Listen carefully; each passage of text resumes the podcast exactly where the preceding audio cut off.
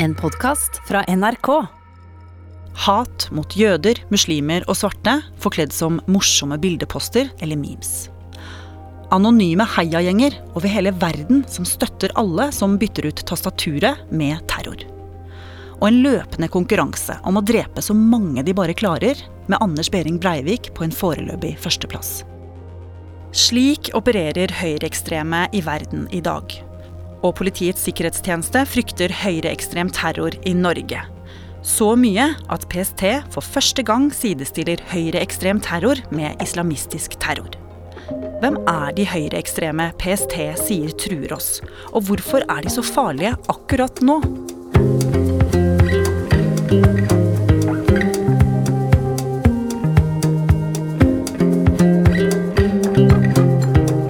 Du hører på Oppdatert.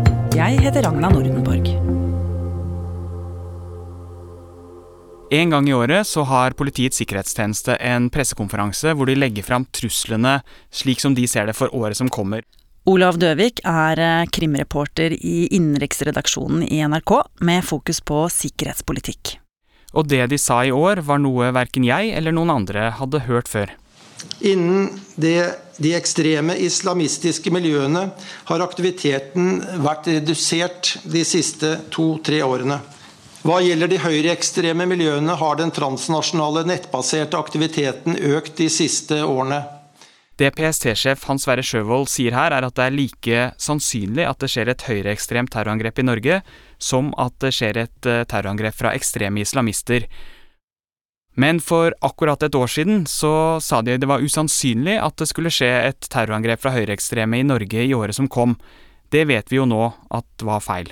Så hva er det som har skjedd på det året?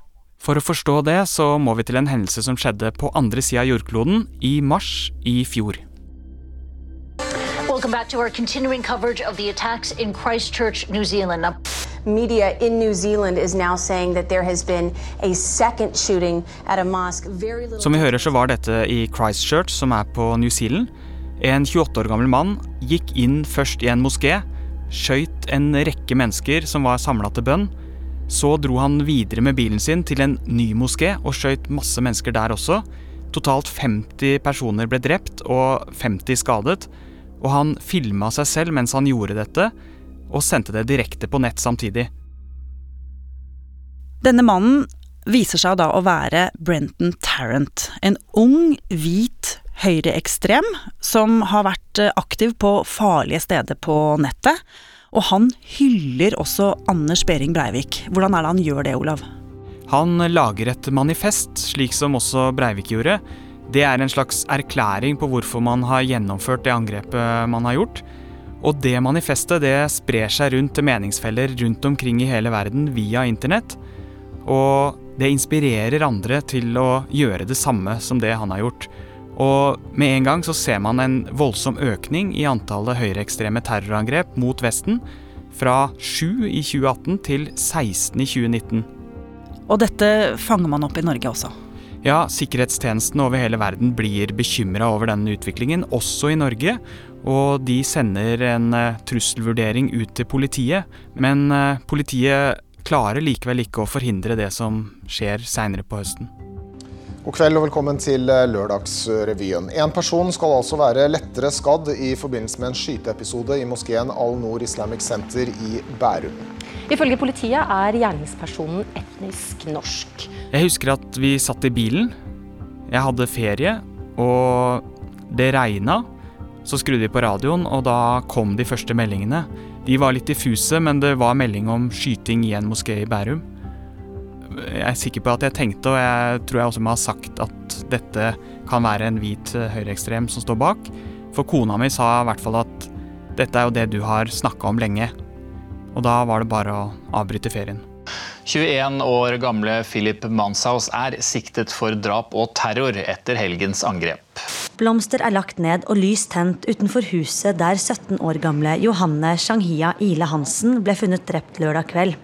Hennes stebror Philip Monshaus er siktet for drapet. Dagen eh, da skytinga i moskeen skjer, så hører jeg først om det, og så eh, tenker jeg at det kan være en av de her guttene som jeg følger med på, og de nye nazistene. Lasse Josefsen er skribent og ekspert på høyreekstreme miljøer. Og han har selv vært aktiv på ulike nettforum der også høyreekstreme chatter. Så får jeg en melding fra en kontakt i politiet som ber meg om å sjekke nettet, eh, noen spesielle forum. Og der går jeg inn, og så jeg finner jeg iallfall to poster som har blitt posta i kort tid før terroraksjonen. Og som eh, begge bruker den samme frasen 'Valhall venter'. Og den ene av disse postene linker rett til Facebook-profilen til en 21 år gammel mann fra Bærum som heter Philip Manshaus. Posten ble publisert på EndChan, et av mange forum kalt Chans. En chan er et diskusjonsforum der folk som er over gjennomsnittet aktive på nett, finner sammen. Sånne chans finnes det mange av, og man vet at høyreekstreme bruker disse forumene til å snakke sammen. Og der skriver Bærumsmannen at han er direkte inspirert av Christchurch-terroristen. Nei, altså Han bare sier at han er blitt utvalgt da, av Saint uh, Tarrant. Det, det, det, er en liten utvalgt gruppe med, med suksessfulle uh, høyreekstreme terrorister. Så du har f.eks. Anders Behn Breivik, som er liksom eh, kongen av de alle, for å si sånn, da, for han har høyest drapsrate. Så disse kjente høyreekstreme terroristene hylles altså på nett som saints, eller helgener. Hvor er det de høyreekstreme får dette tankegodset fra? Nei, altså det, Den vanligste eh, teorien, den som er selve bærebjelka i eh, tankesystemet deres, det er eh, denne ideen om den store utskiftningen. Eh, det er noe som stammer fra en fransk forfatter som heter Renaud Camus, eh, som har skrevet en bok som heter The Grand Replacement. Eh, og det, De ser det sånn at en rasekrig er nødt til å komme, og den må de fremskynde.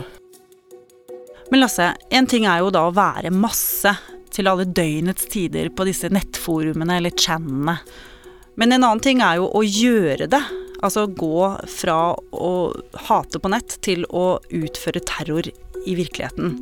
Hva vet du om de som krysser den grensen? Eh, de som krysser den grensa, de, de har blitt fullstendig overbevist om at vestlige vestlig samfunn er i ferd med å gå til helvete, og de må bidra til det for at noe nytt skal bli bygga over det. Og for å bli overbevist om det, så må du ha indoktrinert deg sjøl veldig eh, og fullstendig. Eh, for det, hvis du skulle utføre en sånn aksjon, så kan du ikke bare trekke deg ut i siste liten. Han drepte sin egen søster. Eh, du går til angrep på en moské, det er for seint å snu. Så, så, du må være fullstendig overbevist om at eh, det her faktisk eh, skal skje. Og hvordan blir man det? Det blir man ved å sitte på de her forumene og i at uh, veldig mange av oss har blitt kjent med memer uh, i dag. Det, det, er noe vi ser på Facebook, det er dine foreldre poster, det er alle poster. Det er morsomme bilder med en konsis tekst. Og hvis du bruker det på riktig måte, så er det effektiv propaganda.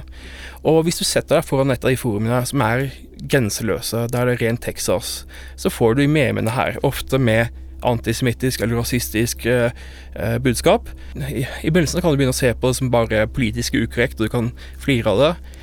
Men så etter hvert så har du jo åpna den delen av hjernen din som tar imot det budskapet. Og da blir du ganske raskt radikalisert. Mm. Så hvor raskt kan det gå? Det kan gå veldig veldig fort. Eh, jeg husker ikke om det var John Ernest eller Patrick Crucius. en av de terroristene i USA som skrev i manifestet sitt at hvis du hadde fortalt han at han skulle gjøre det her for seks måneder siden, så ville han ikke trodd på det. Og det, seks måneder er fryktelig kort tid for å bli radikalisert til å gjøre noe så drøyt som å begå terror. Hvor stort er dette miljøet på nett i Norge i dag, og hvor farlig er det? De her nynazistene de kjenner du ikke igjen på eh, snau skalle og alle de andre ytre kjennetegna. Eh, vi vet ikke hvem de er, hvor de henger og hvor mange de er. Eh, men det vi vet, er at vi, har to nordmenn på lista over eh, terrorhelter som blir dyrka blant nynazister nå. Og det er veldig mye til et så lite land. Altså Anders Behring Breivik og Philip Manshaus. Det stemmer, ja. Da PST i forrige uke gikk ut og sa at de sidestiller høyreekstrem terror med terror eh, fra islamistiske miljøer i Norge, hva tenkte du da? Jeg tenkte at det var eh, på tide. Eh, jeg har ikke spesiell peiling på islamisme, f.eks. Jeg kjenner noen som har det, men eh, sjøl så har jeg bare sånn lekmannsforhold til det. Og jeg ser jo at det er jo det absolutt en høy trussel, og jeg skjønner at de har vært sett, ansett som den største faren frem til nå. Men med denne nye nettkulturen som dyrker terror, så må vi innse at vi kan forvente terror fra den sida hele tida. Så Lasse Josefsen, som kjenner det høyreekstreme miljøet på nett godt, sier at det er på høy tid at PST tar denne trusselen alvorlig. Olav, la oss gå tilbake til årets pressekonferanse med PST på Litteraturhuset. De har jo akkurat fortalt at de oppjusterer terrorfaren fra høyreekstreme. Betyr det at det er mange høyreekstreme her i Norge som akkurat nå går med planer om å drepe folk? Ikke nødvendigvis, men PST og andre som følger disse lukkede nettforumene, ser at det er stadig flere, også nordmenn, som er der inne og som hyller terrorister og terrorangrep. Men det å ha disse meningene og kanskje lefle litt med, med, dette, er jo noe helt annet enn å gjennomføre et massedrap. Det er det veldig få mennesker som er i stand til å gjøre, uansett om de mener det er riktig aldri så mye. Men dessverre så er det jo noen som gjør det. Det har vi jo sett både i Norge og over hele verden. Hva kjennetegner dem? De som har forska på det, sier at det er noen ting som går igjen. Dette er personer som ofte på en eller annen måte har havna på utsida av samfunnet. Og så har mange av dem opplevd traumatiske ting i barndommen som har prega dem, og det vet vi skjedde med Anders Behring Breivik. Det kom fram ting under rettssaken mot han om eh, hvordan han hadde blitt utsatt for omsorgssvikt i barndommen sin, Philip Manshaus vet vi at uh, mistet moren sin da han var veldig liten, uh, i et tragisk dødsfall.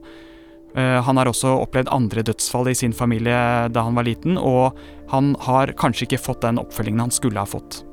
Men PST har jo veldig lyst til å få kontroll over disse farlige ekstremistene som potensielt kan da utføre terror i Norge. Hva gjør de for å stoppe dem og få kontroll? Det er jo en av PSTs hovedoppgaver å stoppe terrorangrep, men de sier at de kan ikke klare det alene. De er avhengig av at folk eh, tipser dem om ting, og de har laga en egen rapport om hva folk skal se etter, som de også presenterte samtidig med denne trusselvurderingen. De ber folk følge med på om eh, folk eh, endrer mening og blir ekstreme i uttalelsene sine, og varsle til politiet med en gang de oppdager noe sånt, fordi de som gjennomfører et sånt angrep, de lekker ofte til omgivelsene. Eh, og selv om både politiet og PST fikk varsel om Manshaus ett år før han eh, gjennomførte dette terrorangrepet, så sier politiet at om de hadde fått flere meldinger på Philip Manshaus utover i 2019, så kunne de kanskje ha avverget eh, dette terrorangrepet.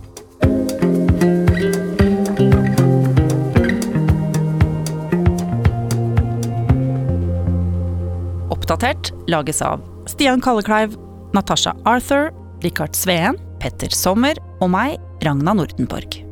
Vil du kontakte oss, gjør det på oppdatert krøllalfa nrk.no.